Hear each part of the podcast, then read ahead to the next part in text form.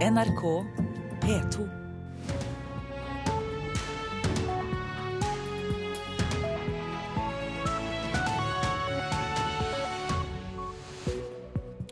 Da kan vi slå fast at vi er kommet til fredag 5. september. Dette er hovedsaker i Nyhetsmorgen nå klokka 6.30. 18 utenlandske IS-opprørere skal være drept i et syrisk luftangrep. Streik i vaskerier og renserier etter brudd i meklingen. Det var store mengder dynamitt som gikk av under sprengningsulykken på Geilo. Og jødisk kulturfestival i Trondheim frykter at Gaza-konflikten fører til publikumssvikt. Men jeg håper da virkelig at eh, de skjønner forskjellen på eh, Midtøsten og en jødisk kulturfestival i Trondheim. Rita Abrahamsen sa det. I eh, Syria skal 18 utenlandske IS-krigere være drept i et luftangrep utført av syriske regjeringsstyrker. Flere av de drepte var sentrale lederskikkelser i IS, ifølge aktivistgruppen Syrian Observatory for Human Rights. Angrepet i det østlige Syria skjedde i går. En kommunal bygning i byen Garabia ble bombet, og inne i bygget oppholdt det seg flere IS-ledere. Alle de drepte var utlendinger, blant dem en amerikansk jihadist. Den syriske hæren angrep også et IS-kontrollert bygg i byen Abu Kamal, nær grensen til Irak, i går. Skadeomfanget etter dette angrepet er uklart, men ifølge aktivistgruppen Syrian Observatory for Human Rights klarte 13 IS-fanger å rømme i kaoset som oppsto etter luftangrepet. Opplysningene fra aktivistgruppen, som holder til i Storbritannia, er ikke kontrollert av uavhengige journalister i Syria. Fredrik Lauritzen orienterte. Politiet bekreftet i går at det var store mengder dynamitt som gikk av under sprengningsulykken på Geilo. Tre personer døde i ulykken, mens to andre ble skadd.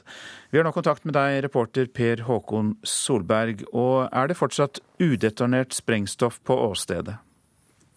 Det er det, og eh, Politiets bombegruppe skal gjennomføre en kontrollert sprenging eh, i eh, formiddagstimene i dag. De kommer til å varsle innbyggerne på Geilo om det i god tid.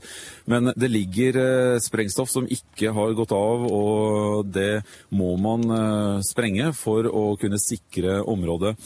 Innsatsleder Jan Koldal, Regner dere med at når dere har gjort denne sprengningen, at dere er eh, mer eller mindre ferdig og kan åpne rv. 7 og Bergensbanen? Altså, det er jo det som er målet vårt. Ehm, dersom ikke det skulle skje noe uforutsett på stedet, så tar vi sikte på at eh, i løpet av dagen så åpner vi både rv. 7 og jernbanen. Og da har vi sånn sett kontroll på stedet, og vi har eh, har eh, gjort de tiltakene som vi ønsker å gjøre, som står igjen nå. Vegvesenet, Arbeidstilsynet, lokal entreprenør bistår nå eh, politiets bombegruppe og DSB i arbeidet. Hva, hva gjør eh, Vegvesenet og Arbeidstilsynet der inne? Altså, de er jo Jeg kjenner jo ikke detaljene til hva de er, men de har jo en kontrollfunksjon og en bistandsfunksjon i forhold til kompetanse. Og de har jo foretatt Eh, nok en del risikoanalyser. Eh, og har eh, hånd om det arbeidet som gjøres der. Det er mange interessenter her, og det er mange som har en oppgave. Ved sida av de, da, så vil jo da som sagt bombegruppa, som du har nevnt, og Kripos være inne i området når vi skal gjøre det avsluttende arbeidet. Vi har jo jobbet både teknisk og taktisk i hele går. Hvor vanskelig har det arbeidet vært for dem? Altså Det er jo eh, det, det taktiske arbeidet har jo vært uh, utfordrende. Pga. Eh, at det å kartlegge hendelsesforløpet er jo vanskelig i en sånn, sånn, type hendelse. Samtidig så er det òg og, åstedet, som er jo en spesiell type sak som gjør at det òg byr på utfordringer. Så eh, det er et møysommelig arbeid, og det, det, er ingenting eh, som eh, ennå er klart, som det vil bli jobba videre både på spesielt etterforskningssida. Målet til eh, politiet er å få åpna rv. 7 og Bergensbanen. Det er på en måte gladnyheten oppi det som har vært en, en tragisk hendelse på, på Geilo. Takk skal du ha, Per eh, Håkon Solberg, som altså rapporterte fra Geilo. Vaskeriarbeidere som jobber for sykehus, aldershjem og oljeindustrien er i streik. 194 vaskeriansatte er tatt ut i streik etter brudd mellom LO-forbundet Industri Energi og arbeidsgiverorganisasjonen Norsk Industri. Og reporter Sindre Heyerdahl, du har sjekket ut mer om eh, denne streiken. Hva var det som førte til streik? Det var mange punkter hvor partene sto eh, langt fra hverandre. Men det aller viktigste var at arbeidstakerne ønsket et varig stort lønnsløft for de vaskeriansatte. Opp til 90% av gjennomsnittlig industrilønn, og at det da blir en ordning som blir permanent, sånn at man alltid må følge industriens utvikling. Det gikk ikke arbeidsgiverne med på. De mente det var et for stort løft. Eh, vaskeriansatte er lavtlønte, og dermed ble det streik. Men er dette en streik som eh, kan ende med tvungen lønnsnemnd? Den kan jo potensielt det, fordi mange av disse vaskeriene leverer da til eh, sykehus og helseinstitusjoner, eldrehjem. Men de arbeidstakerne selv sier at de har tatt et begrenset streikeuttak der hvor det går opp mot sykehus osv. Så sånn at det fortsatt skal være mulig å levere til disse. Eh, men dette blir en spennende situasjon fremover, og det vil sikkert komme spekulasjoner om det, uten at det nødvendigvis skjer. Du nevnte jo lønn som et viktig punkt her, men hvis vi ser bak det igjen, eh, dreier det seg også om en kvinnekamp her?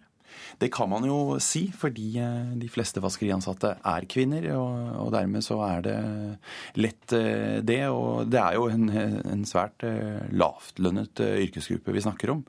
Så det er klart at her er det nå ganske steile fronter. Og ja, det, vi får se hvordan det går, men det har ikke begynt bra.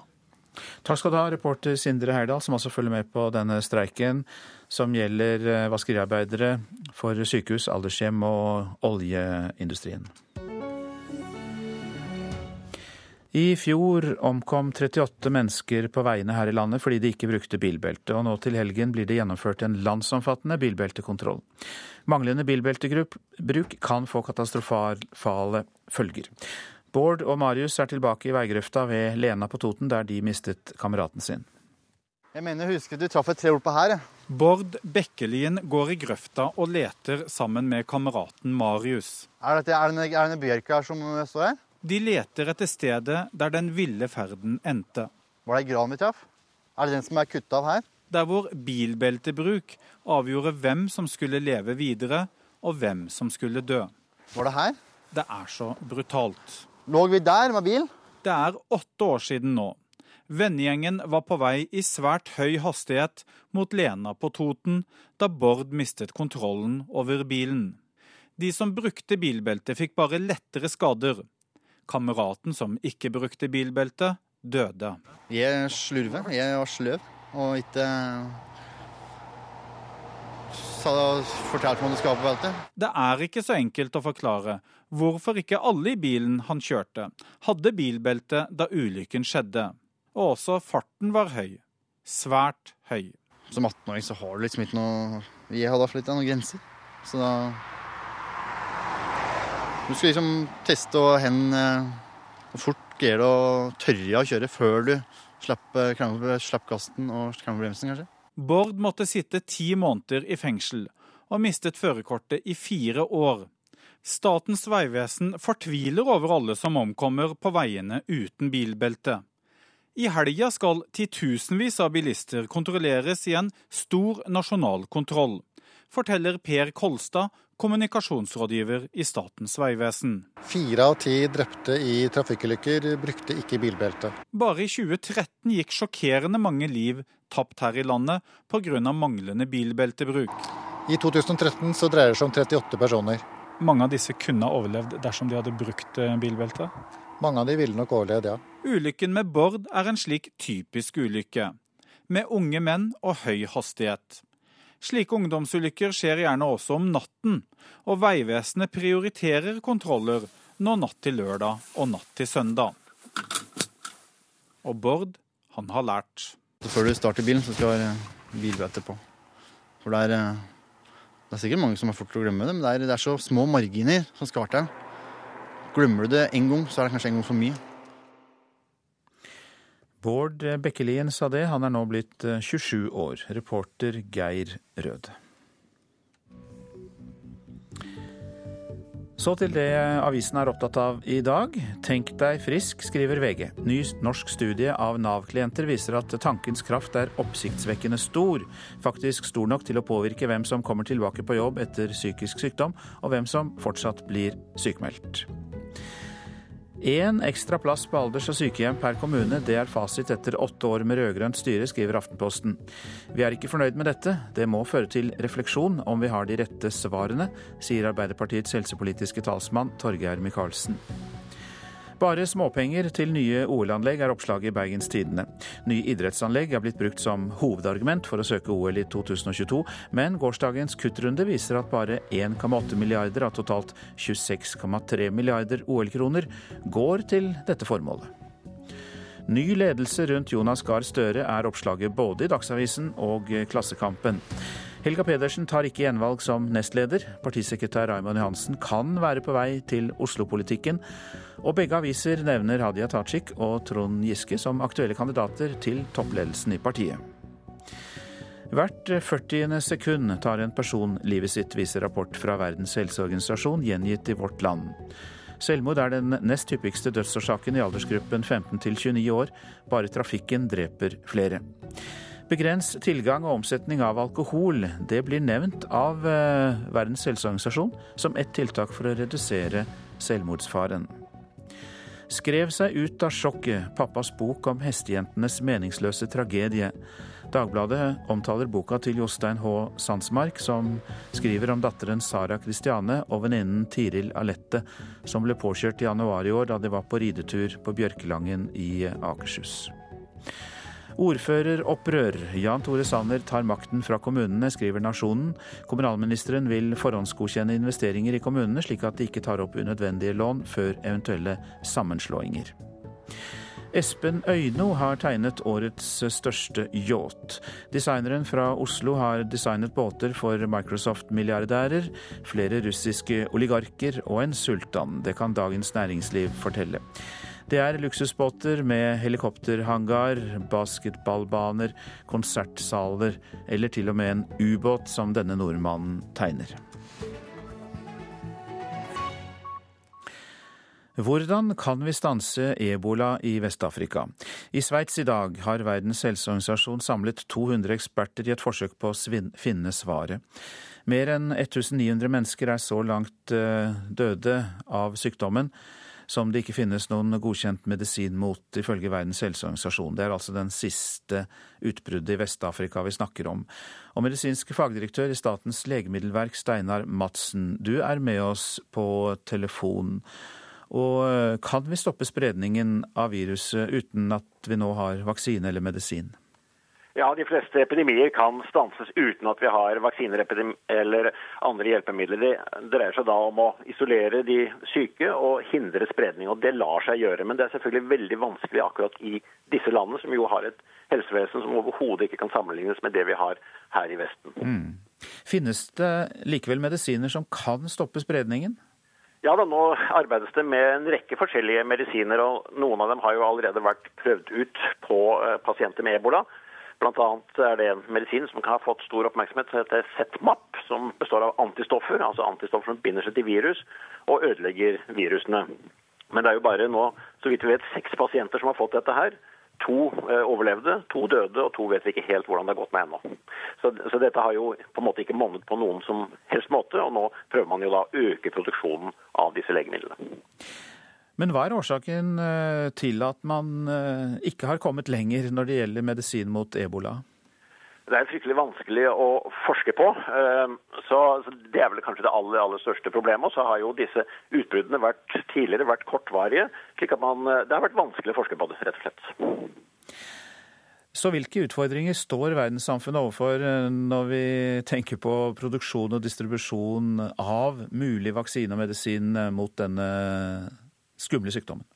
Disse medisinene vil jo være kolossalt kostbare, og det er jo da kan man si Vesten og de rike landene må jo stille opp og hjelpe disse fattige landene. For de har på overhodet ingen mulighet til å kjøpe eller lage disse medisinene på egen hånd. Så dette må jo være en, en hjelpeinnsats fra Vesten til disse landene. Hvordan jobber dere i Legemiddelverket med ebola? Ja, Vi har jo kan si, beredskap for disse tingene, men alle nye legemidler på dette området blir jo felles godkjenning i Europa. Så det er først og fremst det europeiske legemiddelkontoret i London som vil være involvert i godkjenningen av slike nye legemidler. Mange takk for at du var med i Nyhetsmorgen, Steinar Madsen. Du er medisinsk fagdirektør i Statens legemiddelverk.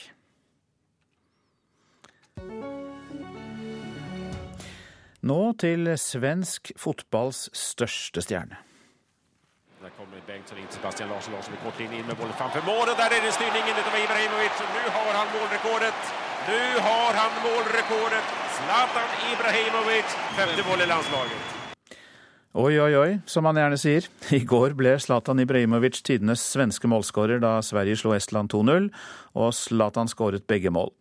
En eksepsjonell spiller vi ikke er i nærheten av å ha i Norge. Ja, det mener NRKs ekspert Carl Petter Løken. Det er kjempeimponerende, og, og ikke minst med tanke på at han spiller for Sverige, som ikke er noe supermakt i, i fotball.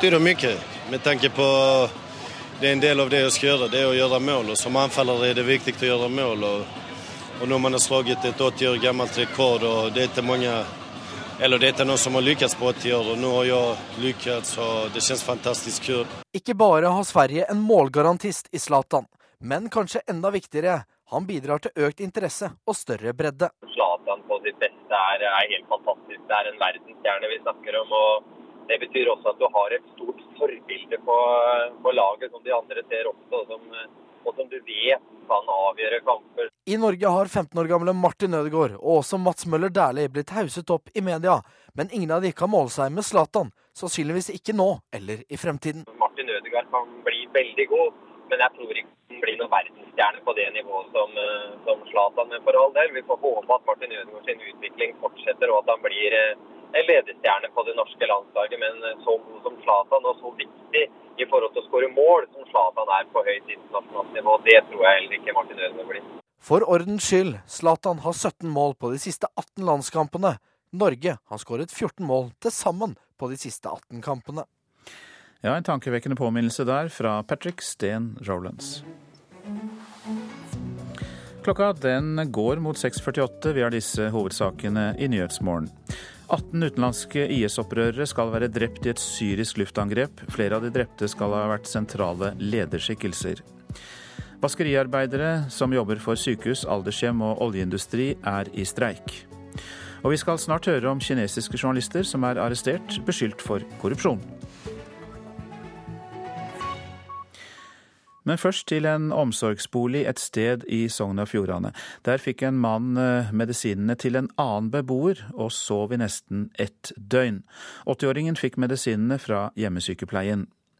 Fylkeslege Per Stensland sier kommunen der dette skjedde, ikke har et system som i tilstrekkelig grad sikrer en forsvarlig håndtering av medisiner.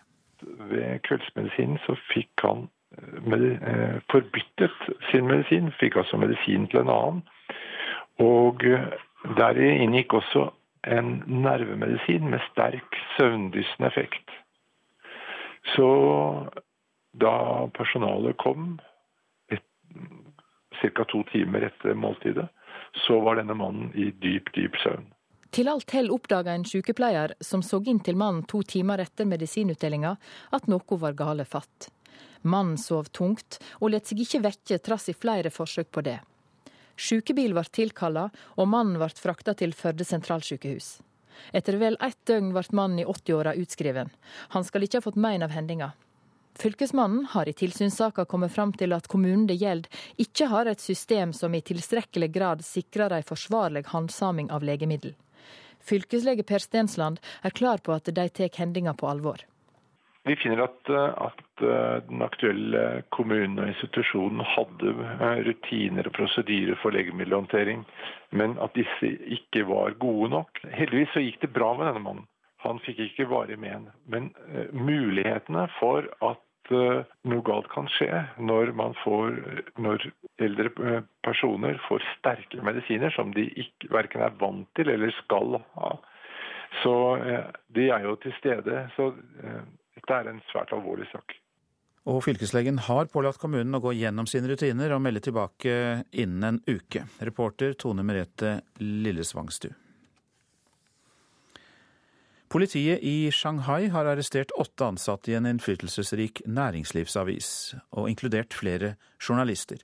Det blir beskrevet som en antikorrupsjonskampanje fordi avisen beskyldes for å ha drevet systematisk utpressing av næringslivet i Shanghai. Vår Asia-korrespondent er Peter Svaar, og du er med oss. Så hvordan skal denne utpressingen ha foregått? Ja, Ifølge det statlige kinesiske nyhetsbyrået Xinhua så var dette et samarbeid mellom flere ansatte i næringslivsavisen 21st Century Business Herald og to kommunikasjonsrådgivningsselskaper. Og det er ansatte i alle tre selskaper som nå er arrestert, inkludert avisens sjefredaktør og nestleder.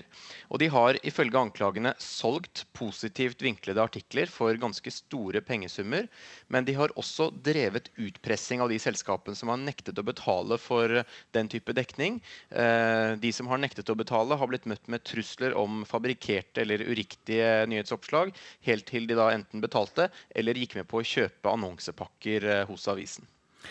Korrupsjon i kinesiske medier har i hvert fall ikke jeg hørt om før, men eh, er det utbredt?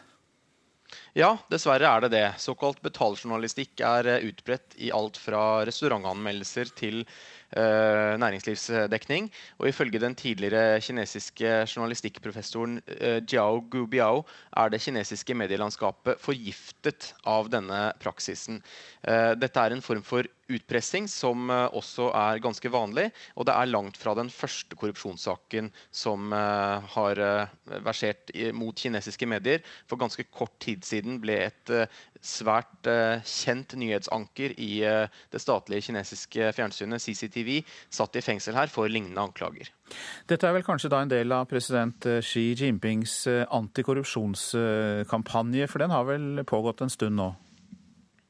Ja, den har pågått siden han ble president i 2012 og er kanskje en av de mest profilerte politiske kampanjene han har eh, drevet i sin presidentperiode, å slå ned på korrupsjonen.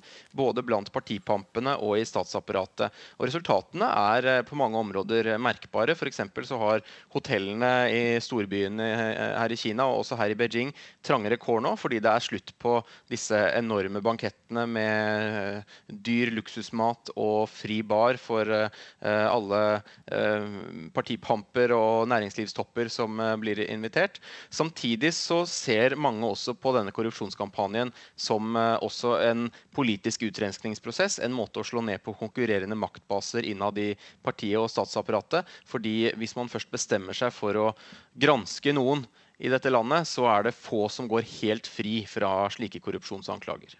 Mange takk for den oppdateringen, Asia-korrespondent Peter Svår. I dag starter den jødiske kulturfestivalen i Trondheim, men arrangørene er bekymret for at publikum svikter pga. Gaza-konflikten. De opplever at jøder i Europa blir holdt ansvarlige for Israels handlinger. Vi ønsker å vise fram den jødiske kulturen og tradisjonen, men vi representerer ikke Israel, sier Rita Abrahamsen. Da starter jeg med å knekke egget. Rita Abrahamsen har et sort forkle på seg. Inne på kjøkkenet til kafeen i Muser har forberedelsene til helgas festival starta. Nei, nå skal jeg lage kneidel, heter det. Det er en slags melbolle til hønsesuppa. Norges eneste årlige jødiske kulturfestival arrangeres for fjerde år på rad i Trondheim, og har som mål å vise fram sin kultur og tradisjon. Men i år er arrangør Abrahamsen bekymra for publikumssvikt pga. krigen i Midtøsten. Det er klart, vi eh, har jo tenkt våre tanker vi om det. At uh, kanskje vi blir marginalisert, usynliggjort, at folk lar være å komme. Men jeg håper da virkelig at uh, de skjønner forskjellen på Midtøsten og en jødisk kulturfestival i Trondheim. Frykter dere at det kan komme litt, litt mindre folk i år enn tidligere pga. Ja, det? Det er klart det er en bekymring vi har, men vi håper jo at, uh, at vi tar feil. Eller at vi bekymrer oss uh, grunnløst. Det håper vi selvfølgelig. Hvorfor blir dere bekymra? Nei, det er jo fordi at en ofte, eller noen ganger ser at eh, det er mange, eller noen, som ikke greier helt å holde tunga beint i munnen. Eh, at vi eh, som jøder i Europa kan bli holdt ansvarlig for Israels handlinger, da. Og det har vi jo sett andre steder i Europa. Paris har jøder blitt angrepet, overfalt. Jødisk hærverk på jødisk eiendom. Og det er jo klart at da er det noen som ikke ser med begge øynene. Da ser de med ett øye, dessverre. Så vi håper jo at folk i Trondheim ser med begge øynene og kommer til festivalen vår og ser at vi ikke har noe direkte med krigen i Midtøsten å gjøre. Jeg tenker at det er en viktig påminning til uh, Trondheims befolkning. Det sier Wenche Åretun, leder for vennskapsforeninga Trondheim Ramallah, som tidligere i år arrangerte en støttekonsert for ofrene i Gaza. Hun mener den offentlige debatten ikke har klart å skille mellom stat og folk. Nei, det tror jeg ikke at vi, den har. fordi at eh, vi er nødt til å skille det som den israelske staten gjør, og de krigshandlingene de utfører, at det ansvaret ikke ligger på jøder verden over. Det må vi vokte oss vel for. Reporter i Trondheim, Kaja Kristin Næss. Nylig ga han ut sin sjuende roman og sin femte barnebok. Men det som opptar forfatter Gaute Heivold mest akkurat nå, det er hans debut som dramatiker.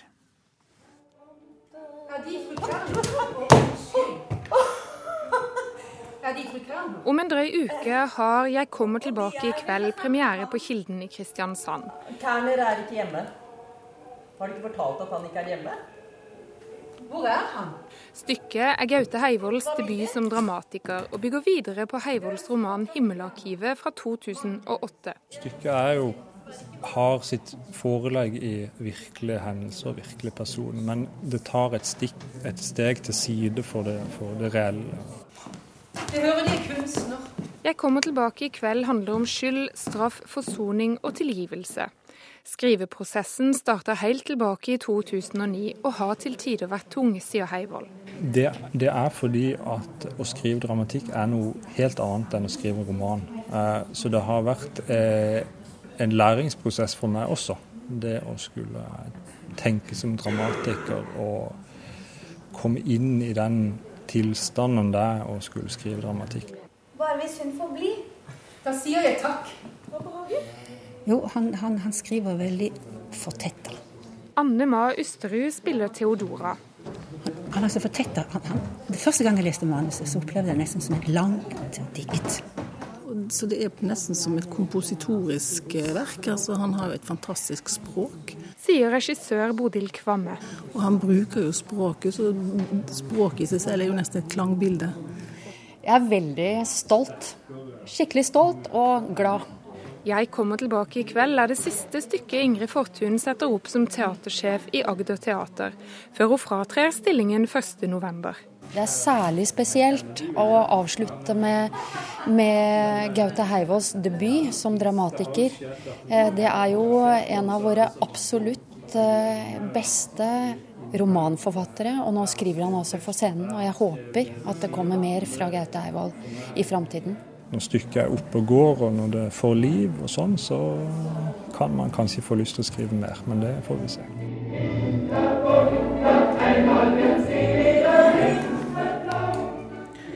Reporter her, det var eh, Miriam Grov.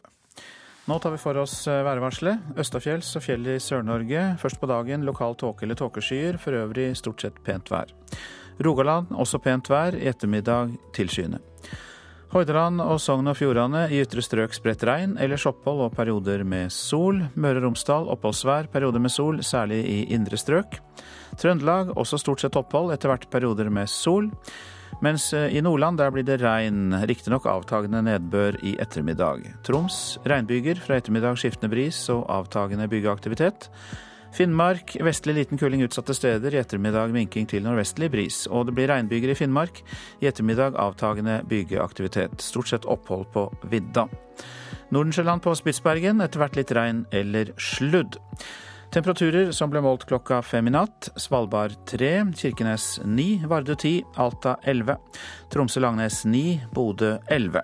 Brønnøysund 13, Trondheim-Værnes 9, Molde 10, Bergen-Flesland 14, Stavanger 12, Kristiansand-Kjevik 9, Gardermoen 11, Lillehammer 10, Røros 7, og på Oslo-Blindern var det 13 grader klokka fem. Du hører en podkast fra NRK P2.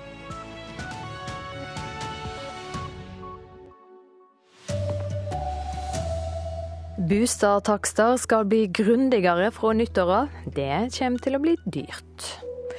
Og gods mellom Oslo og Bergen hoper seg opp. Håpet er at Bergensbanen kan åpne igjen i dag. Her er NRK Dagsnytt klokka sju. Huseiere som skal selge bostaden sin må grave dypere i lommeboka fra nyttår av. Da blir det obligatorisk med en ny og grundigere rapport for å selge enebosteder, tomannsbosteder eller rekkehus. Den nye taksten kan koste opp mot 20 000 kroner. Det er det verdt, mener takstmann Lasse Evensen. Og da får de et omfattende, eh, og etter vår oppfatning, et godt produkt og får en forståelse av hva de har for noe, og kjøper får en forståelse av hva han faktisk skal kjøpe. Halve prisen hadde passa bedre, mener direktør hos privatmegleren Dag Hegerstrøm. Ca. 7 10 000 kroner. Det er bransjen sjøl som innfører rapporten. Den er obligatorisk hvis du bruker en megler som er med i Eiendom Norge, som de fleste er. Eh, det er jo en viss fare for at de da prøver å selge selv. Hos Norges takseringsforbund tror administrerende direktør Are Andenes Huser at prisene på sånne rapporter kommer til å bli pressa ned. Eh, og jeg tror at eh, prisen på en slik rapport som vi diskuterer her, uansett vil være en billig forsikring mot konflikter senere. Reporter Kjartan Rørslett. Trygg Trafikk frykter flere ulykker etter at regjeringa har bestemt at også de yngste skoleelevene kan sykle på skoleveien. I dag kan rektorene nekte de yngste elevene å bruke sykkel til og fra skolen, men regjeringa vil altså endre reglene slik at det blir foreldre som skal avgjøre når barna er store nok til å sykle. Gods som skulle vært frakta med tog mellom Oslo og Bergen, hoper seg opp. Årsaka er stenging av Bergensbanen etter sprengingsulykka på Geilo for to dager siden. Det betyr full stopp, sier Einar Spurkeland, kommunikasjonssjef i DB Skjenker. Det er ikke noen som har 30-40 eh, lastebiler stående ledig på, på jeg, eiendommen sin. Så vi er helt avhengig av at toget kommer i gang igjen så raskt som mulig. Og Politiets bombegruppe skal gjennomføre en kontrollert sprenging på Geilo i formiddag. Håpet er at både rv. 7 og Bergensbanen kan åpne etter det. Vaskeriarbeidere som jobber for sykehus, aldershjemmer og oljeindustrien er i streik. 194 vaskeritilsatte gikk ut i streik etter at det i natt ble brudd mellom LO-forbundet Industrienergi og arbeidsgiverorganisasjonen Norsk Industri. I dag tjener de ansatte i vaskeri- og renserivirksomhetene, de fleste av de kvinner, 86% av gjennomsnittlig industrilønn. Og oversikter over hvem som er i streik finner du på nrk.no. NRK Dagsnytt, Silje Sande. Og her fortsetter Nyhetsmorgen. Eiendomsmeglernes bransjeorganisasjon kommenterer at boligselgere blir nødt til å betale mye mer for boligtakst. Vi snakker med Trygg Trafikk også, som er bekymret over at foreldre alene skal bestemme om barn skal sykle til skolen eller ikke. Og Jens Stoltenberg presenteres for regjeringssjefene som den nye Nato-lederen i dag. Som vi nettopp hørte i Dagsnytt, huseiere som skal selge boligen må grave dypere i lommeboka fra nyttår av. Da blir en ny og grundigere boligsalgsrapport obligatorisk for å selge eneboliger, tomannsboliger eller rekkehusleiligheter. Flere takstmenn sier de kommer til å ta over 20 000 kroner for en slik takst, og det er mye, mener mange eiendomsmeglere. Her er et eldre kjøkken. Takstmann Lasse Evensen ser seg om i et brunmalt lite hus på Jar like vest for Oslo. Det ligger fint til i terrenget, men det er fra 1965 og litt umoderne etter dagens standard. Dette er eh, naturlig å skifte ut med et nytt kjøkken. Huset skal selges, og Evensen tar drøyt 5000 kroner for en verdi- og lånetakst. 20 ampere-kurs til teknisk og til kjøkken. Det noteres. Fra neste år må han sjekke flere hundre punkt i tilsvarende hus. Senere blir rapporten obligatorisk også for leiligheter som skal selges. Se etter støvkondens, heksesot samt svertesopp, spesielt i soverom. Sjekk setninger og jordtrykk. Hvis du har mistanke om uh, fukt på et bad ja. etter den nye uh, standarden. Hva må du gjøre da? Her er det riktignok dusjkabinett, men hvis det var mistanke om det, så går vi da inn på tilstøtende vegg. Det vil jo bli inn på soverommet. Så lager vi et lite hull der, og så inspiserer vi både visuelt og med et protimeter og registrerer om det er fukt. Den øvelsen er noe som kunden kan velge å si nei til.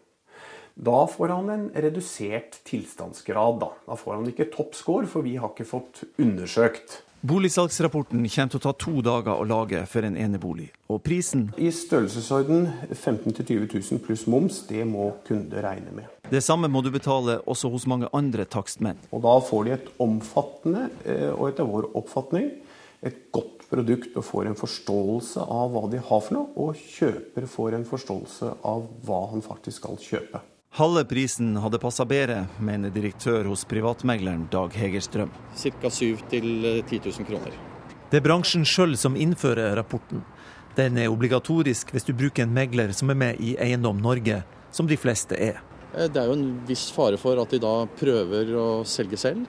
Og det syns vi er synd, når størstedelen av all boligomsetning i Norge går jo via megler. Hos Norges takseringsforbund tror administrerende direktør Are Andenes Huser at prisene på sånne rapporter kommer til å bli pressa ned. Eh, og jeg tror at eh, prisen på en eh, slik rapport som vi diskuterer her, uansett vil være en billig forsikring mot konflikter senere. Så du unngår å kjøpe katta i sekken? Det får vi håpe, ja. Vi skal i hvert fall greie å avdekke de viktigste tingene. Avløpsrør, sjekk materialet, sammenkoblingspunkter, synlig tilgjengelige rør, lokaliser, sjekk stakeluke. Så her kommer takstmannen til å bli møkkete på fingrene. Og reporter her, det var Kjartan Røslett. Og vi hørte at Eiendom Norge ble nevnt i saken, nemlig Eiendomsmeglernes bransjeorganisasjon. De er til stede. God morgen, Christian Dreyer. God morgen. Der er du administrerende direktør.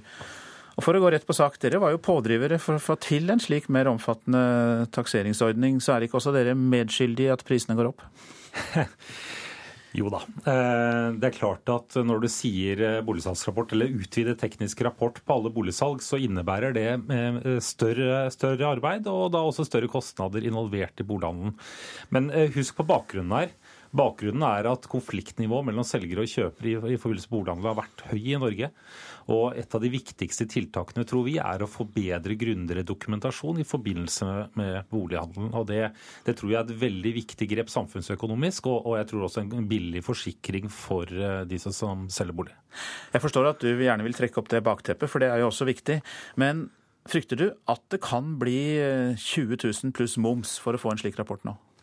Vi, eh, det er viktig å få presisert at eh, vi har ikke gitt en blankofullmakt til eh, søsterorganisasjonen eller søsterbransjen, takseringsbransjen, til å lage en så omfattende rapport som mulig og sette den prisen de vil. For at vi skal klare å gjennomføre en reform som er så positiv, så er det også viktig å ha edruelighet i forhold til hva dette koster. Eh, og det er klart at Hvis det blir dette prisnivået her, så, så kan ikke vi stå og se kunden i øynene og anbefale det blindt. Det er ikke mulig, det. Eh, så, så her har vi helt åpenbart en diskusjon eh, å, å ta. Takseringsbransjen sentralt i forbundene forsikrer oss om et helt annet omfang og en helt annen pris. Men gang på gang så ser vi at enkelte aktører i den bransjen går ut og, og, og kommer med prisnivåer som er helt urealistiske for å få gjennomført dette.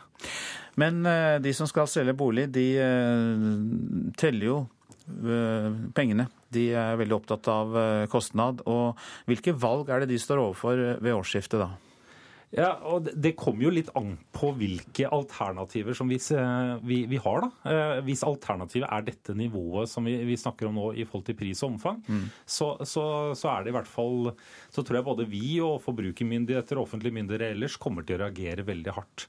Eh, så jeg tror egentlig at vi må, vi må, se an litt før vi kan svare ordentlig på det spørsmålet. Men vi skal i hvert fall se kunden i øynene og anbefale det vi mener er best for kunden. Eh, og det kan jeg garantere deg. Ja, reagere. Tror du det blir eh, priskonkurranse etter hvert mellom takstmennene? Ja, Det får vi da virkelig håpe, men med disse prisnivåene her, så regner jeg med at det er veldig mange tidligere tømrere og bygningsingeniører som løper mot takstbransjen, for da skjønner de at her er det penger å tjene. Eh, og det er jo da på forbrukerne eh, de tjener dette her. Så, men, men, jeg tror, helt ærlig, jeg tror at konkurransen vil komme. Jeg tror prisene kommer til å presse seg vesentlig ned, og det er det nødt for at vi skal klare å gjennomføre en så positiv reform. Men man er ikke nødt til å be om en slik rapport, selv om dere vil anbefale det. Forbrukeren vil alltid ta det endelige beslutningen. Takk skal du ha, Christian Dreyer, administrerende direktør i eiendomsmeglernes bransje, bransjeorganisasjon Eiendom Norge.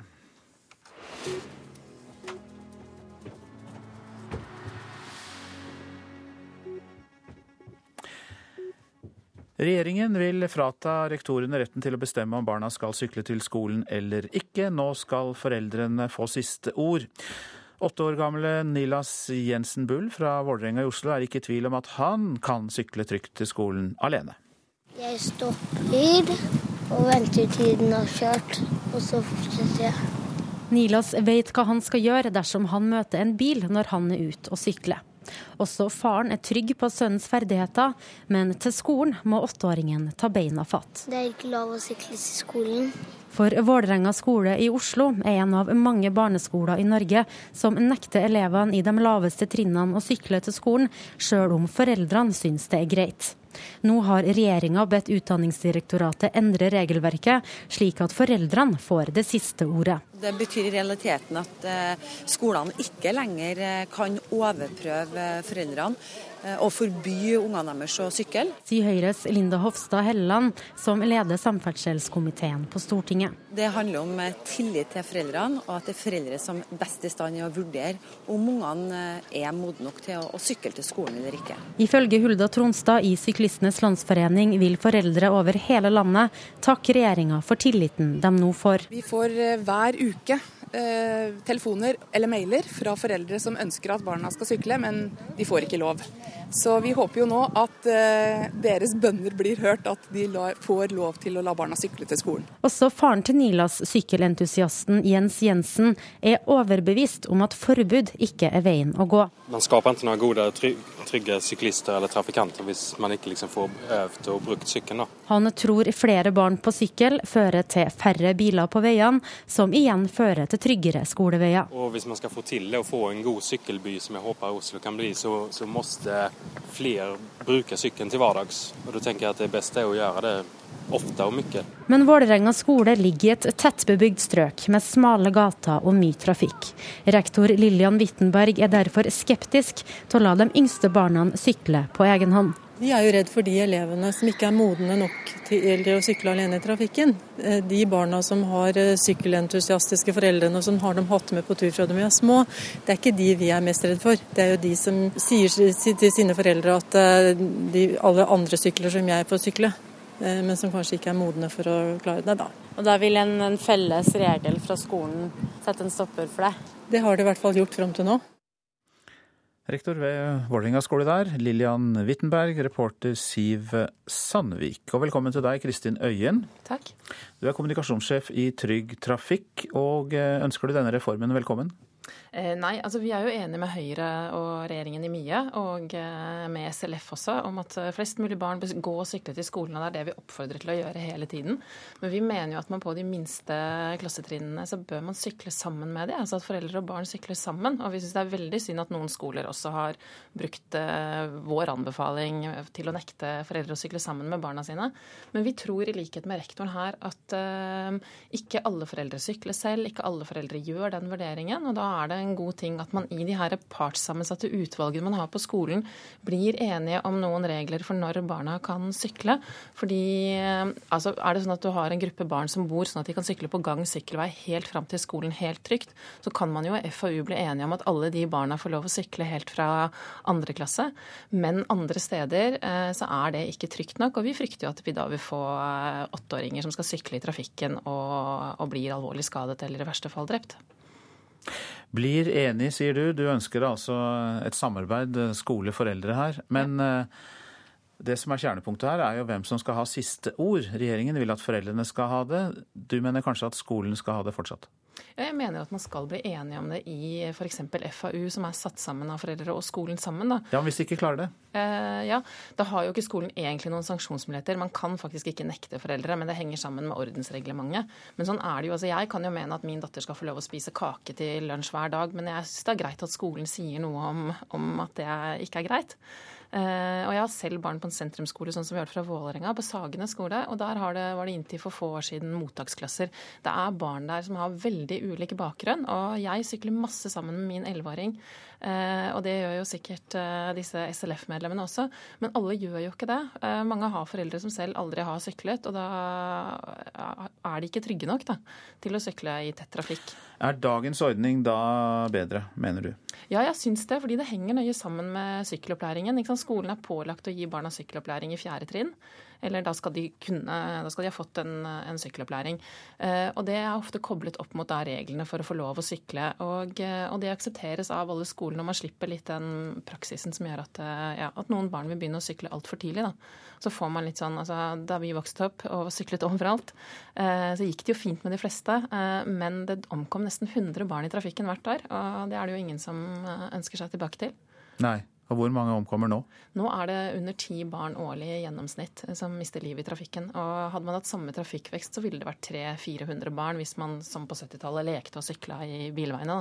Nå tror jeg jo ingen foreldre slipper barna sine løs på den måten, men allikevel så tror jeg at man kan se ulykker, da. Sånn sett har det altså da blitt langt bedre enn det var, men eh, du vil ha noe mer eh, kontroll og styring med dette med å sykle til skolen, skjønner jeg, Kristin Øyen? Takk skal du ha, kommunikasjonssjef i eh, Trygg Trafikk. Klokka den er 7.16 der. Vi har disse hovedsakene. Fra nyttår kan boligselgere bli nødt til å betale opp mot 20 000 kroner for en ny og mer omfattende boligtakst. Regjeringen vil frata rektorene retten til å bestemme om barna skal sykle til skolen eller ikke, som vi hørte, men Trygg Trafikk er altså bekymret. 18 utenlandske IS-opprørere skal være drept i et syrisk luftangrep. Flere av de drepte skal ha vært sentrale lederskikkelser.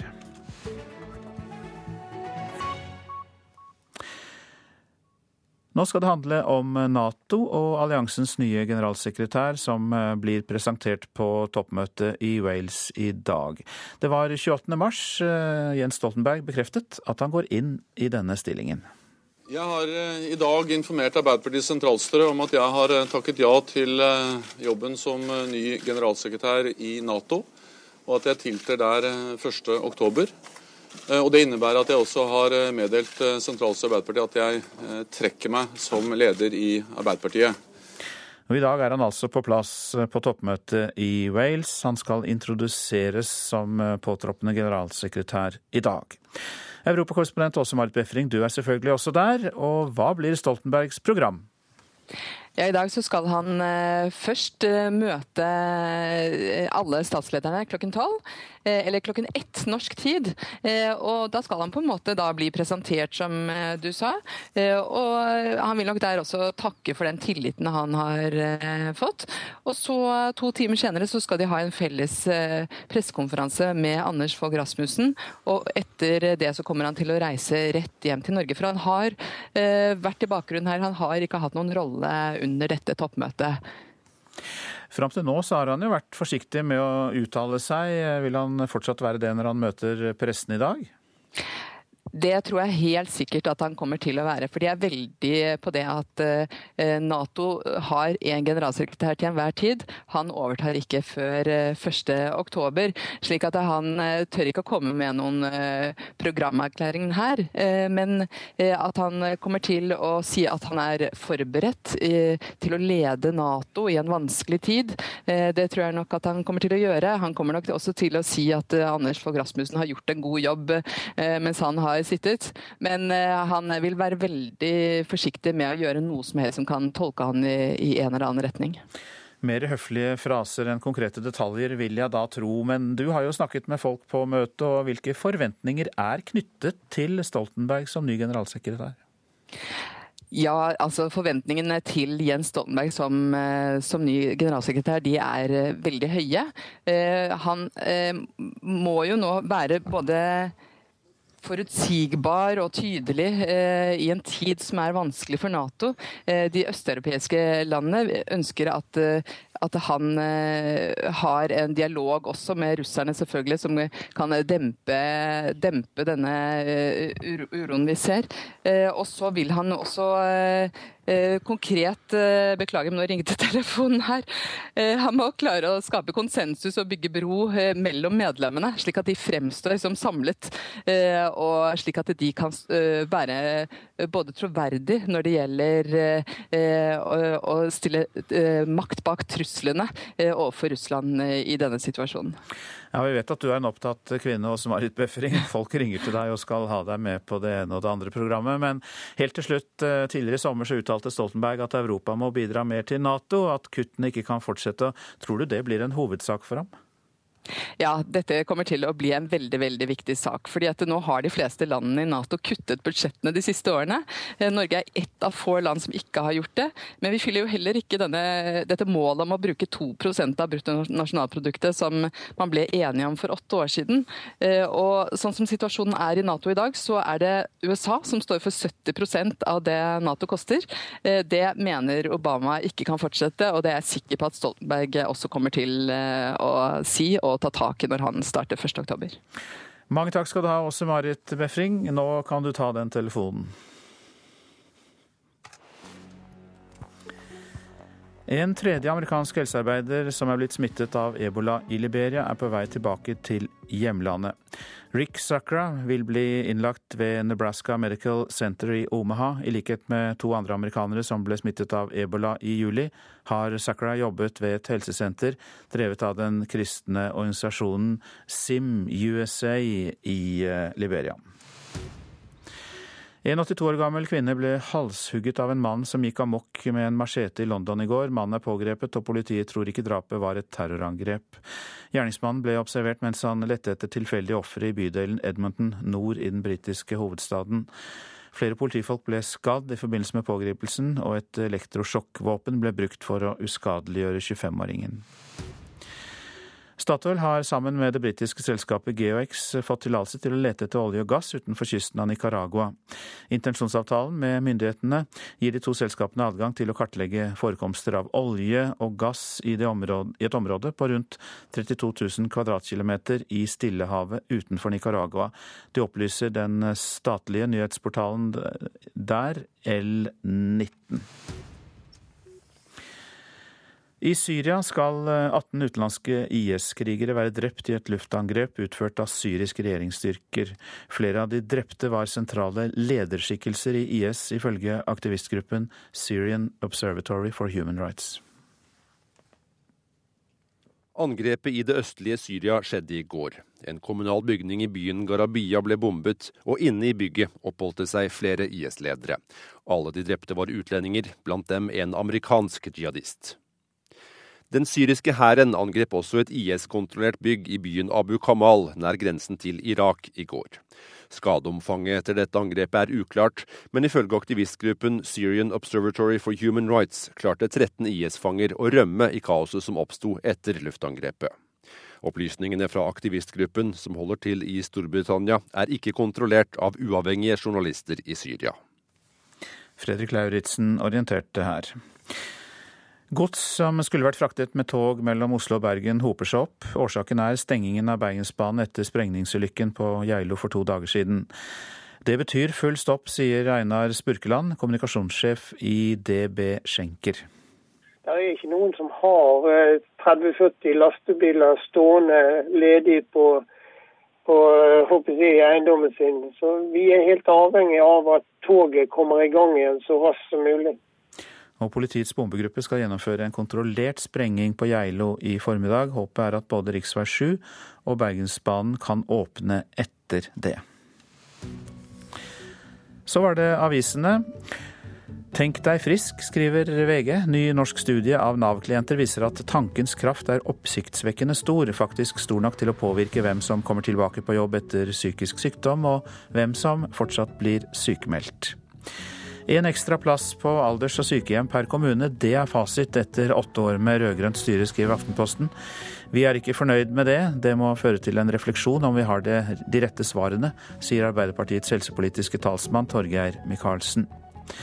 Bare småpenger til nye OL-anlegg er oppslaget i Bergens Tidende. Nye idrettsanlegg er blitt brukt som hovedargument for å søke OL i 2022, men gårsdagens kuttrunde viser at bare 1,8 milliarder av totalt 26,3 milliarder OL-kroner går til det formålet. Ny ledelse rundt Jonas Gahr Støre er oppslaget både i Dagsavisen og Klassekampen i dag. Helga Pedersen tar ikke gjenvalg som nestleder. Partisekretær Raymond Johansen kan være på vei til Oslo-politikken. Og begge aviser nevner Hadia Tajik og Trond Giske som aktuelle kandidater til toppledelsen i partiet. Hvert 40. sekund tar en person livet sitt, viser rapport fra Verdens helseorganisasjon, gjengitt i Vårt Land. Selvmord er den nest hyppigste dødsårsaken i aldersgruppen 15 til 19 år. Bare trafikken dreper flere. Begrenset tilgang til omsetning av alkohol blir nevnt av Helseorganisasjonen som ett tiltak for å redusere selvmordsfaren. Skrev seg ut av sjokket, pappas bok om hestejentenes meningsløse tragedie. Dagbladet omtaler boka til Jostein H. Sandsmark om datteren Sara Kristiane og venninnen Tiril Alette som ble påkjørt i januar i år da de var på ridetur på Bjørkelangen i Akershus. Ordføreropprør. Jan Tore Sanner tar makt fra kommunene, skriver Nasjonen. Kommunalministeren vil forhåndsgodkjenne investeringer i kommunene, slik at de ikke tar opp unødvendige lån før eventuelle sammenslåinger. De unge preger gründermiljøet i databransjen. Flere av dem samles i Stavanger i disse dager i det som kalles Nutec Startup Gathering, som skjer i Innovasjonsparken. Selskapet Future Home fra Forus i Stavanger er et av dem. Skal vi Nå holder de faktisk på Office Down for Maintenance. de sitter og jobber med dette. Uh, Arun, could you uh, bring the office up for me? Daglig leder i Future Home, Erik Stokkeland, skal vise meg hva hvem som helst som går inn på nettsida til selskapet, får lov til å gjøre med de ansatte på kontoret. Ja, så du går inn her. Eh, så da kan du se Oppsann, hva skjedde nå, sa du? Her, ja, nå, nå går jo lyset av her. okay, det kan jeg altså sitte med å bruke den eh, PC-en min en helt, annen, helt annen plass, og så eh, ta av lyset på kontoret ditt og se at det faktisk skjer. Ja, og du kan eh, ta opp og ned rullegardinene. Du kan se om du finner den hemmelige knappen som trigger en slags eh, kaosmodus her på kontoret, som kan bli ganske løye. Men jeg vil ikke røpe helt hvor det er, fordi det blir kaos. Bare ideen er jo passelig ellevill. Én ting er at alle som går inn på nettsida deres, kan følge med på hva de ansatte gjør til enhver tid, men så kan de også lage mye krøll i arbeidsdagen deres. Men målet er at det skal føre til at mange er innom nettsida deres, og det går an når de ansatte mellom 25 og 28 år. De har eh, mange galne ideer som eh, litt eldre og klokere personer aldri hadde begynt på, for de visste kanskje at det her hadde tatt så ekstremt mye tid. Men eh, vi, vi er unge og uerfarne og tenker at og det her skal vi få til. Og så jo lenger vi kommer, jo nærmere kommer vi med mål. Til slutt vi, vi er der. Selskapet har utvikla en app som kan styre det meste av elektronikken som du og jeg har i heimen vår. Oppvarming, lys, multimedia, innbruddsalarm, hva det nå måtte være. Prøve å gjøre elektronikken i huset litt mer brukervennlig enn det det er. Store suksesshistorier kan være en inspirasjonskilde for veldig mange. Og så er det muligheten til å være kreativ, tenke nytt og prøve å løse utfordringer som finnes i hverdagen. Hvorfor noen suksesshistorier er det de forteller om da? da? Jeg tror veldig mange ser til uh, Facebook, uh, Google, altså disse appene som blir brukt mye i hverdagen. At det er inspirasjonskilder for veldig mange. Osman Amit er daglig leder i Mess and Order, et stort kontorfellesskap som tar sikte på å få kreative unge mennesker til å komme i sammen for å jobbe med sine forretningsideer. Kontorfellesskapet ligger i en eldre bygning i det største renoveringsområdet i Stavanger for tida, austre del av Storhaug bydel. Litt seinere i dag kommer området til fullast stopp av unge IKT-gründere og selskap med kapital og tro på gode ideer. Det som vi ønsker å oppnå med dette arrangementet, det er at eh, flere starter opp sin egen eh, virksomhet.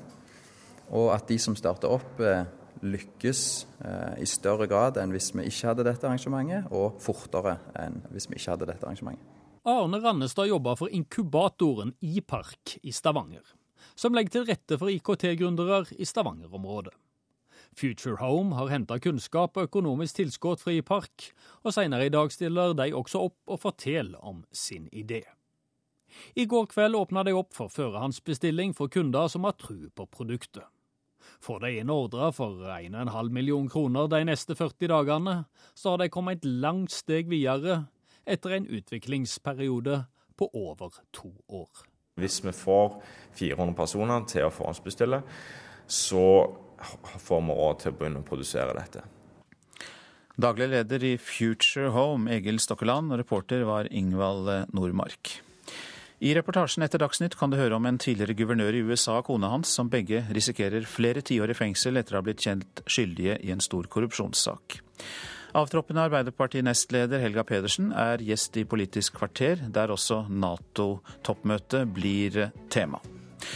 Produsent for Nyhetsmorgen i dag, Ulf Tannes Fjell. Her i studio, Øystein Heggen.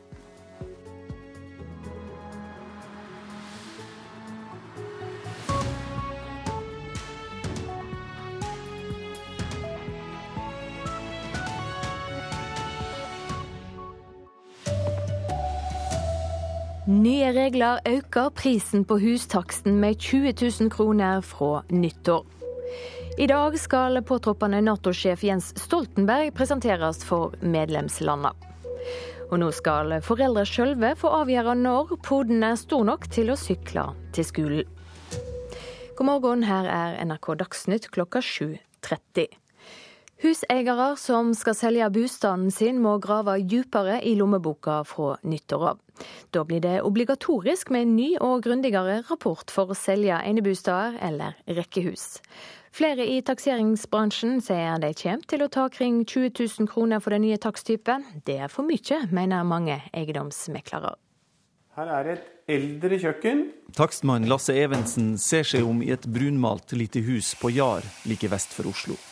Det ligger fint til i terrenget, men det er fra 1965 og litt umoderne etter dagens standard. Dette er naturlig å skifte ut med et nytt kjøkken. Huset skal selges, og Evensen tar drøyt 5000 kroner for en verdi- og lånetakst. 20 ampere-kurs til teknisk og til kjøkken.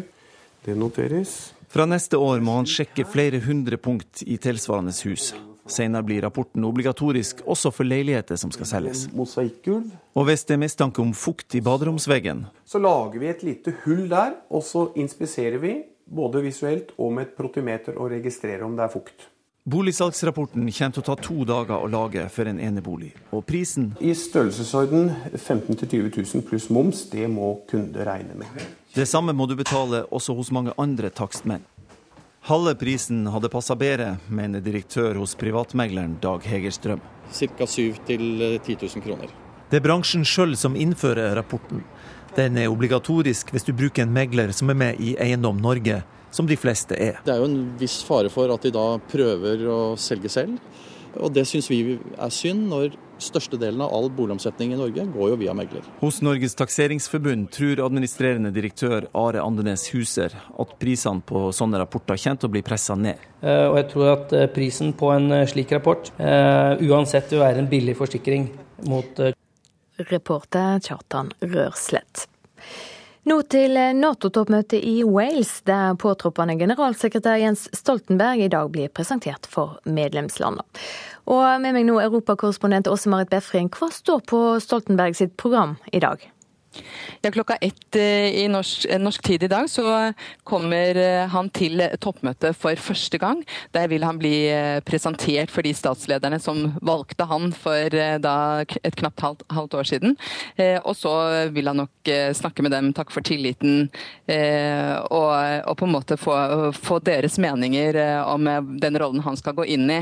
Dette er et lukket møte. Eh, og så To timer senere så skal han ha en pressekonferanse sammen med den nåværende generalsekretæren Anders Fogh Rasmussen, før han da etterpå reiser rett hjem til Norge. Så han har vært helt i bakgrunnen under dette toppmøtet.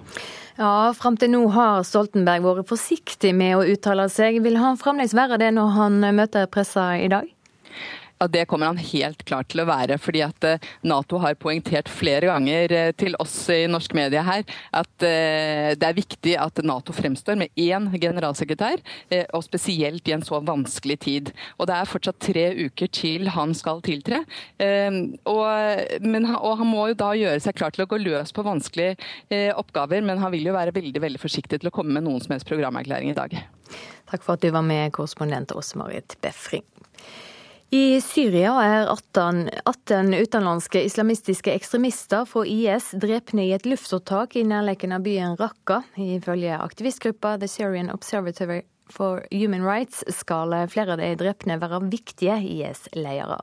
Raqqa er blitt en viktig bastion for IS i Syria. En av de 18 drepne skal ha vært amerikansk statsborger.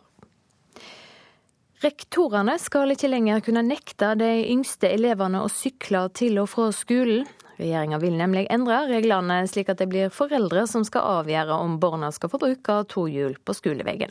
Åtte år gamle Nilas Jensen Bull fra Vålerenga i Oslo er ikke i tvil om at han trygt kan sykle til skolen alene. Jeg stopper og venter til den har kjørt, og så fortsetter jeg. Nilas vet hva han skal gjøre dersom han møter en bil når han er ute og sykler. Også faren er trygg på sønnens ferdigheter, men til skolen må åtteåringen ta beina fatt. Det er ikke lov å sykle til skolen. For Vålerenga skole i Oslo er en av mange barneskoler i Norge som nekter elevene i de laveste trinnene å sykle til skolen, sjøl om foreldrene syns det er greit. Nå har regjeringa bedt Utdanningsdirektoratet endre regelverket, slik at foreldrene får det siste ordet. Det betyr i realiteten at eh, skolene ikke lenger eh, kan overprøve foreldrene eh, og forby ungene deres å sykle. Sier Linda Hofstad Helleland, Høyre-politikeren som leder samferdselskomiteen på Stortinget. Det handler om tillit til foreldrene, og at det er foreldre som best i stand til å vurdere om ungene er modne nok til å sykle til skolen eller ikke. Men Trygg Trafikk står fast på sin anbefaling, som sier at barn under ti år ikke bør sykle alene i trafikken. Er det sånn at du har en gruppe barn som bor sånn at de kan sykle på gang sykkelvei helt fram til skolen helt trygt, så kan man jo i FAU bli enige om at alle de barna får lov å sykle helt fra andre klasse. Men andre steder eh, så er det ikke trygt nok, og vi frykter jo at vi da vil få eh, åtteåringer som skal sykle i trafikken og, og blir alvorlig skadet eller i verste fall drept. Det sa Kristin Øyen i Trygg Trafikk, reporter Siv Sandvik. Én ekstra plass på alders- og sykehjemmer per kommune. Det er fasiten etter åtte år med rød-grønt styre, skriver Aftenposten i dag. Arbeiderpartiet er ikke nøyd med tallene, sier helsepolitisk talsmann Torgeir Micaelsen. Den nye regjeringa skal bygge raskere, lover helseminister Bent Høie fra Høyre. Det er nå behov for et uh, taktskifte, der staten tar et større ansvar for at uh, kommunene nå bygger ut uh, flere sykehjem og, bofellesskap for personer med demens. Hvor raskt tror du vi kan se resultater fra dere nå? Ja, vi har allerede starta. Eh, noe av det første vi gjorde, var å si at eh, staten skal ta halve regningen når kommunene bygger ut eh, sykehjem og bofellesskap for personer med demens. Vi har òg økt taket for hva kostnadene skal være. Reporter Sindre Heierdal. På Geilo er det fremdeles udetonert sprengstoff på staden der store mengder dynamitt gikk av i ei sprengingsulykke på onsdag. Tre mennesker døde i ulykka, mens to andre ble skadd. Og reporter på Geilo, Per Håkon Solberg, hva gjør politiet i dag? Det er et uh, omfattende arbeid som uh, allerede er i gang. Klokka seks uh, kjørte delegasjon fra Vegvesenet, politiets bombegruppe, Arbeidstilsynet, en lokal entreprenør og en stor mobilkran inn i ulykkesområdet. De skal løfte ut en, en, en kran, en borerigg, som har blitt brukt i forbindelse med, med det, arbeidet, det sprengningsarbeidet som den entreprenøren skulle etter planen utført på, på onsdag. Og I løpet av en times tid kommer politiet og bombegruppa til å eh, foreta en kontrollert sprengning av den dynamitten som ligger igjen i fjellet eh, inne i ulykkesområdet. Hva konsekvenser har denne ulykka fått? Den har fått ganske store konsekvenser. Det er fullt kaos i godstrafikken eh, pga. at Bergensbanen har eh, vært stengt i to dager nå. og Rv. 7 er jo også stengt, og det gjør at det er eh, vanskelig for godsnæringa å få fraktet varer fra, fra øst til vest. og Derfor så er det etterlengtet, den nyheten som politiet kommer med i dag, at de mest sannsynlig i løpet av sen ettermiddag eller sen formiddag, tidlig ettermiddag åpner både Bergensbanen og rv. 7. Takk skal du ha, Per Håkon Solberg. Vaskeriarbeidere som jobber for sykehus, aldersheimer og oljeindustrien er i streik. 194 vaskeritilsatte gikk ut i streik etter at det i natt ble brudd mellom LO-forbundet Industri Energi og Norsk Industri. I dag tjener de ansatte i vaskeri- og renseribedriftene, som i hovedsak er kvinner, 86% av gjennomsnittlig industrilønn. Og Oversikt over hvem som er i streik finner du på nrk.no. Nå sport, og det skal handle om hopp. For 18 eh, år gamle Filip Sjøen har en lysende karriere framfor seg. Det tror NRKs hoppekspert Johan Remen Evensen. Han sier Sjøen kan nå så langt han bare vil, etter at unggutten vant plast-NM i Granåsen i går. Det er bare plast-NM, tenker mange. Det er om å hoppe lengst på ski, eh, samme om det er nå eller om det er til vinteren. Johan Remen Evensen mener det bor noe veldig stort i Norges hoppkomet. Reporter Patrick Steen Rolands. Ansvarlig for Dagsnytt i dag, Eirik Ramberg. Tekniker Hanne Lunås. Her i studio står Silje Sande.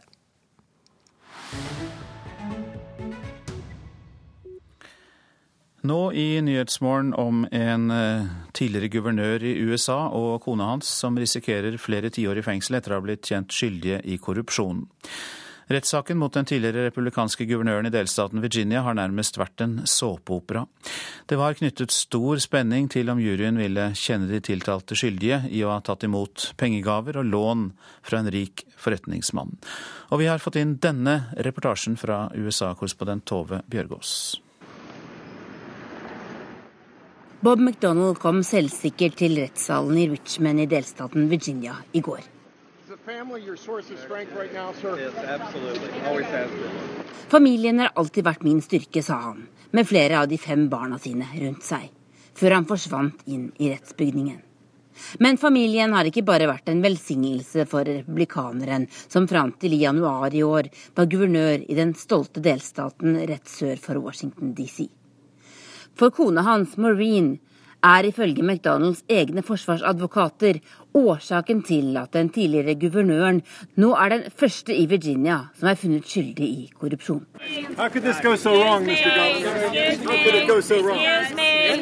Bob McDonald, som for to år siden ble nevnt som en mulig visepresidentkandidat for Mitt Romney, var ikke lenger selvsikker da han kom ut igjen fra rettssalen i går kveld. Da var han blitt funnet skyldig i å ha tatt imot drøyt 800 000 kroner i gaver og lån fra en rik forretningsmann. Johnny Jones drev et selskap som utviklet et kosttilskudd, og skal ha gitt McDonald og familien hans lån, feriereiser og tilskudd til flere av barna. Selv om McDonald har betalt tilbake mer enn 700 000 av de lånte pengene, ble han funnet skyldig på nesten alle de 14 tiltalepunktene og nå risikerer både han og kona flere tiår bak murene. Rettssaken i delstatshovedstaden Richmond har vært en såpeopera med følelsesutbrudd av mange slag inne i rettssalen. I går gråt hele familien høylytt mens juryen leste opp sin kjennelse. Saken er også prinsipielt interessant, mener kommentator i Bloomberg News Jonathan Allen. Um, I think this is going to be a warning to politicians to be careful, uh, to be very careful about who they take gifts from. Uh, in most cases, those gifts aren't uh, Dette er en klar advarsel til politikere om å være svært forsiktige med hvem de tar imot gaver fra, sier han. Men saken mot McDonald er mer enn dette. I rettssaken har forsvarerne hans forsøkt å legge all skyld på hans kone, Maureen. Hun skal ha hatt et forhold til Johnny Jones, og tok imot gavene fordi hun var så forelsket, ifølge forsvarsteamet. Å skyve kona si foran seg i en slik sak er ikke en god strategi, sier Jonathan Allen til NBC. Flere guvernører i andre delstater er blitt dømt for forbrytelser før, men få så alvorlige som McDonald. Først i januar blir straffeutmålingen klar. Men da kan altså den høyt profilerte politikeren bli dømt til flere tiår i fengsel. Det sa Tove Bjørgaas. Ja, Du lytter til eh, Nyhetsmorgen, og dette er eh, hovedsaker i dag. Fra nyttår kan boligselgere bli nødt til å betale opp mot 20 000 kroner for å få en ny og mer omfattende boligtakst. Vaskeriarbeidere som jobber for sykehus, aldershjem og oljeindustrien er i streik. Regjeringen vil frata rektorene retten til å bestemme om barna skal sykle til skolen eller ikke. Nå skal foreldrene bestemme, men Trygg Trafikk er bekymret. 18 utenlandske IS-opprørere skal være drept i et syrisk luftangrep. Flere av de drepte skal ha vært sentrale lederskikkelser i den islamske staten. Og vi minner om eh, NRKs eh, nettsted radio.nrk.no. Der kan du høre alle NRKs radiokanaler, og du kan også spole deg bakover i tid, slik at du kan høre hva som er sendt helt tilbake til tre timer tidligere. Nå er det klart for Politisk kvarter. Der er Håvard Grønli programleder.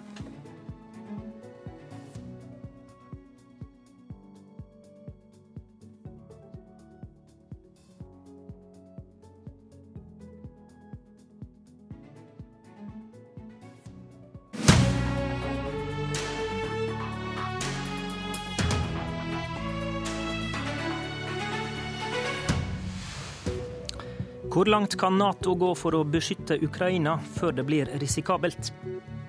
Helga Pedersen sier det var mammaen i henne som vant da hun bestemte seg for å slutte som nestleder. Er det hele sanninga? Velkommen til Politisk kvarter fredag, og god morgen, Helga Pedersen. God morgen, god morgen. I går kunngjorde du at du ikke tar attvalg som nestleder i Arbeiderpartiet på landsmøtet til våren. Hvorfor har du tatt det valget? Det er fordi at de elleve siste årene så har jeg vært politiker på fulltid. Og i løpet av de årene så har jeg også fått to barn, som i dag er tre og sju år. Og nå har jeg fylt 40 og kommet til et punkt der jeg har behov for å frigjøre i første omgang eh, flere helger og flere kvelder for å være sammen med eh, barna mine. Jeg vet at barndommen går veldig fort, og da har jeg lyst til å få med meg mer av den.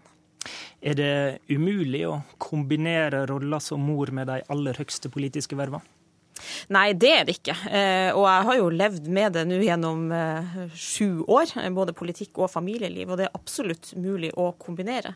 Det skal jeg jo også fortsette å gjøre. Jeg skal jo fortsette som parlamentarisk nestleder og sitte på Stortinget og skjøtte mine øvrige verv i Arbeiderpartiet. Eh, men jeg har behov for en litt annen balanse. Jeg og familien min går inn i en ny fase, og da må jeg avveie også vervene mine for øvrig opp mot det.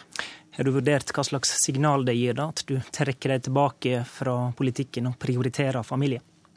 Nei, det har jeg absolutt ikke tenkt over. Og det her betyr jo heller ikke at jeg trekker meg tilbake fra politikken. Jeg skal i aller høyeste grad fortsette med politikk. Og jeg mener det er veldig viktig å si til både unge kvinner og menn at det er mulig å kombinere politisk arbeid med familieliv. Og jeg vil jo særlig oppfordre nå mennesker som kanskje vurderer å stille til lokalvalget neste år, og si til dem at det er utrolig spennende muligheter i politikken. Det er veldig viktig at småbarnsforeldre er med og påvirker samfunnet, som kan gjøre det mulig for mange flere å kombinere eh, spennende arbeidsoppgaver med det å ha omsorg for små barn. Men motivasjon er jo eh, gjerne sammensett av flere ting. Eh, kunne du ha fortsatt eh, i din posisjon om du opplevde at eh, ledervervet i Arbeiderpartiet faktisk var innen rekkevidde? Jeg har aldri jakta på ledervervet i Arbeiderpartiet. og Det at vi har fått ny partileder, har absolutt ikke hatt noe med denne beslutninga å gjøre. Dette var noe som jeg og mannen min begynte å diskutere før landsmøtet i fjor, og jeg ble gjenvalgt som eh, nestleder. Og Jeg må jo også benytte anledninga til å si at eh, jeg samarbeider veldig godt med Jonas Gahr Støre. Han er en inspirerende leder og kollega, og jeg gleder meg veldig til å jobbe tett sammen med han også i fortsettelsen. Det er nettopp blitt ny leder i partiet. Nå skal du slutte, og mange tror partisekretær Raymond Johansen kommer til å kaste seg inn i Oslo-politikken. Det blir ei total utskifting av Ap-ledelsen. Hva slags nestleder trenger Arbeiderpartiet nå? Jeg mener det er viktig at partiledelsen er sammensatt eh, på en sånn måte at eh, våre medlemmer eh, kjenner seg igjen i dem. At partiledelsen representerer bredden i partiet. Um, og det betyr jo bl.a. at man må ha en partiledelse som, uh, med en spredt geografisk uh, bakgrunn. Uh, og, og, også at by- og land-dimensjonen er, er, ivaretatt i partiets øverste ledelse. Når Støre er fra Oslo, partisekretær inntil videre iallfall, Raymond Hansen er fra Oslo. kan partiet da velge en nestleder som også representerer Oslo? Jeg tror ikke jeg skal eh, kaste meg inn og eh, verken foreslå navn eller, eh, eller fraråde navn. Det skal vi ha en demokratisk prosess på i partiorganisasjonen. Og Nå er det et halvt år til landsmøtet, og jeg mener det er veldig viktig at partimedlemmene våre, partilag og fylkeslag får mulighet til på bredt grunnlag å diskutere hvordan partiledelsen skal sammensettes i fremtida. Jeg spør jo fordi den mest nevnte kandidaten, Hadia Tajik, representerer Oslo. Eh, men kan en si at Hadia Tajik representerer noe, noe utover bare Oslo? Jeg kommer ikke til å kommentere enkeltpersoner. Det vil være forakt for partiorganisasjonen. Og jeg er veldig opptatt av at partidemokratiet skal få lov til å gjøre jobben sin før landsmøtet neste år. Da vender vi oss til de som kan kommentere enkeltnavn. Trine Eilertsen, politisk redaktør i Aftenposten. Hva slags Oslo-problem kan Arbeiderpartiet få? Det er, jo, eh, det er jo, beskrevet, eh, som du gjorde i sted, med Raymond Johansen som, eh, som, partisekretær. Sitter der nå. Og hvis han ikke si, flytter seg og finner ut at han skal gjøre noe annet, så er det veldig vanskelig for, for, for partiet å løfte frem Haja Tajik i den rollen alle vi eh, som kjenner norske dialekter, hører at hun opprinnelig ikke er fra Oslo, men fra Rogaland. Men eh, hvis du ser på, på Formalia og på hvor hun har sitt, eh, sin politiske base nå, så er det jo i Oslo, det også. Så Støre kan bli nødt til å velge bort enten Raymond Johansen eller Tajik? Ja, så Han eller partiet må jo vel eh, for demokratiets skyld eh, si. Jeg er i hvert fall nødt til å diskutere med utgangspunkt i at de tre sammen blir for vanskelig for for mange i et eh, parti som dekker hele landet. Oddvar Nygaard, du er politisk kommentator i Nordlys. Hvem blir ny nestleder i Arbeiderpartiet? Ja, Hvis jeg skulle spå så i dag Mye kan jo eh, skje de nærmeste månedene en stund igjen til landsmøtet. Men hvis jeg skulle spå i dag, så ville vil jeg jo tippe Hadia Tajik. Da tror du eh, ikke at dette Oslo-problemet er avgjørende? Nei, jeg tror ikke nødvendigvis det trenger å bli det, av to grunner. Eh, for det første så eh, har jo Arbeiderpartiet en leder som eh, er svært populær i Nord-Norge. Selveste mister nordområdene, Jonas Gahr Støre. I tillegg så er det jo tydelig at partisekretær Raymond Johansen nok er på vei inn i Oslo-politikken. Og hvis det stemmer, så åpner det seg jo også et rom der for å Eh, for å, å kunne hensynta denne distriktsdimensjonen. Ja, Sett fra din ståstad i nord, hvor viktig er denne distriktsdimensjonen i Arbeiderpartiet? Ja, hvor viktig den er, den er nok viktig i Arbeiderpartiet, selv om eh, mange av oss som står utenfor, eh, kanskje syns at disse kabalene blir svært overdreven når de blir så rigide at det må være sånn og sånn eh, spredning på, på, på hele landet. Det, det, det, er forståelig, men eh, det har jo Vi ser jo på eksempelet Støre. ikke sant? Han kommer jo definitivt ikke fra noe fra noe, noe, eh, noe sted i Nord-Norge. Han kommer fra Oslo vestkant. og Samtidig så har han det store engasjementet han har for Nord-Norge og for nordområdene og Arktis, det spiller jo mye større rolle enn hvilken gateadresse i Oslo vest han er født og oppvokst i. Men samtidig så har Arbeiderpartiet nettopp lagt bak seg en, en valgkamp der eh, de konkurrerte mot et Høyre som bl.a. slo de fordi at de hadde mye, mye sterkere posisjon ute i, i de byene utenfor Oslo, ute i distriktene. Eh, hadde sterke kandidater derfra og signaliserte veldig tydelig at de var opptatt av saker som var opptatt av langs eh, hele kysten. Eh, og for Arbeiderpartiet, når de skal ta tilbake posisjon, så er det også viktig å overbevise om det. Og da hvis de kommer med en ledelse som er helt ren Oslo-dominert, så tror jeg ikke det er noe godt skritt i riktig retning. Nygaard, hva tror du Arbeiderpartiet trenger nå? Jeg tror Arbeiderpartiet trenger en uh, ny storbypolitikk, først og fremst. Uh, du kan se på alle storbyene uh, fra Drammen og langs sørlands- og vestlandskysten og oppover til Finnmark så er det fullstendig dominert av høyrestyrt ja, er fullstendig høyrestyrt i eventuelle koalisjoner med, med, Fremskrittspartiet. Det er jo kun Trondheim som er et sånn lite, lite rød-grønt fyrtårn.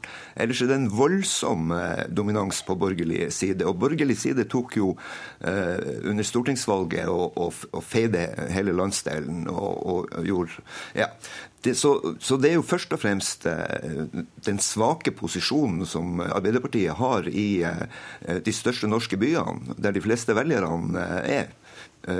Som, som, bør bekymre dem. Og Da må de lage et valgprogram og legge opp en politikk som kan snu dette. Eilertsen, til slutt. Hvem blir valgt til ny nestleder på Aps landsmøte til våren?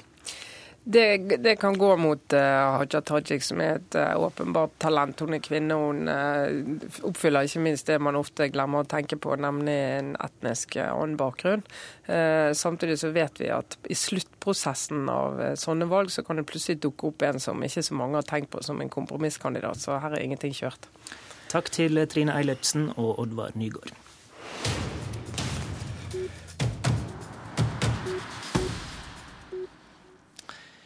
Vi vender oss eh, også i dag til Nato-toppmøtet i Wales, der du er statsminister eh, Erna Solberg. Nyheter fra det siste døgnet er at Norge skal delta i Natos hurtigreaksjonsstyrke.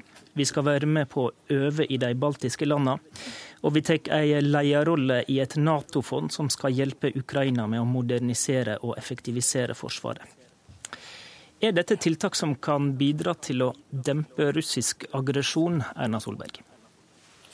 For det første så er det bare russerne som kan dempe russisk aggresjon. Eh, ingen av disse tiltakene bidrar til å øke eh, spenningen.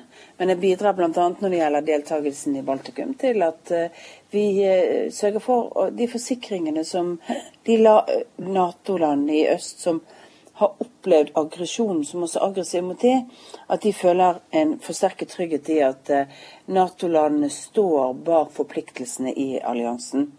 Eh, så er det sånn at eh, det er viktig å fortsette det arbeidet vi har gjort overfor Ukraina lenge. Det er ikke noe nytt at vi jobber med forsvarsreform i Ukraina. Det vil være rart å stoppe en del av de aktivitetene som normalt går. Du var i middag i går kveld og hadde samtaler med statsledere i andre Nato-land. Diskuterer dere om det er en fare eh, ved å på en måte kunne bidra til at situasjonen eskalerer? Eh, jeg mener jo at uh, dette er en helt feil måte å tenke på for øyeblikket. For det er ingenting i de tiltakene som, som gjøres fra Natos side som akselererer. Tvert imot så er det, altså, uh, er det Russland som har brutt nå stort sett alle avtalene de har gjort om sikkerhet i Europa. Uh, og Nato har ikke svart med å si opp de avtalene. Tvert imot så forsøker man å holde klart at det er en løsning på å komme tilbake igjen på et forhold hvor man kan samhandle på en mye bedre måte enn det som er tidligere. Men vi må stå opp for eh, retten til hvert enkelt lands folk til å bestemme sin egen fremtid, og ikke at det ligger i interessesfæren for noen andre. Et lite land som Norge er jo veldig avhengig av at folkeretten er vår første linje i forsvar, at alliansen vår er den neste, og at både alliansen må være troverdig, og at folkeretten må respekteres. Og Du møter senere i dag den ukrainske presidenten Peter Porosjenko. Han sier han har fått tilbud om presisjonsvåpen fra flere Nato-land. Hva slags hjelp vil du tilby? Vi har annonsert det vi tilbyr av hjelp. Det er opptreningshjelp, det er hjelp i forhold til øvelser. Det er denne omstillingen for, for Forsvaret som, eh, som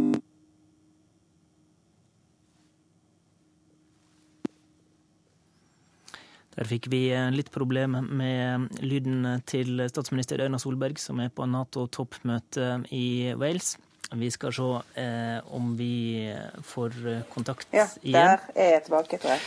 Og Hallo? Eh, det vi lurer på, Solberg, er hvor tenker du at grensa går for hvordan Nato kan eh, hjelpe Ukraina? Altså, det, er, det, er, ingen som diskuterer spørsmålet om direkte involvering med styrker i, i, NATO, eh, i Ukraina fra Natos side på dette møtet.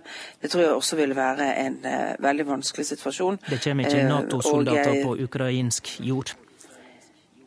Nei, altså, og, og, det er ikke en diskusjon her borte.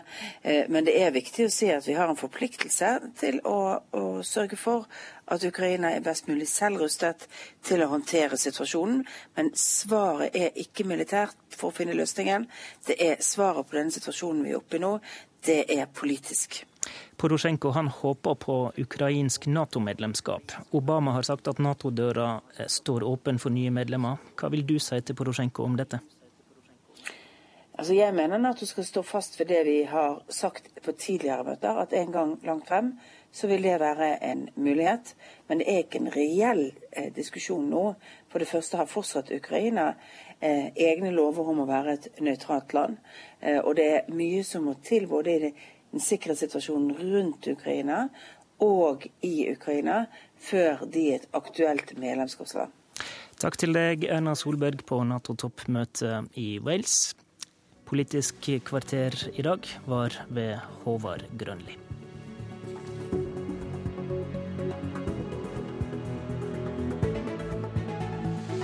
Hør flere podkaster på nrk.no podkast.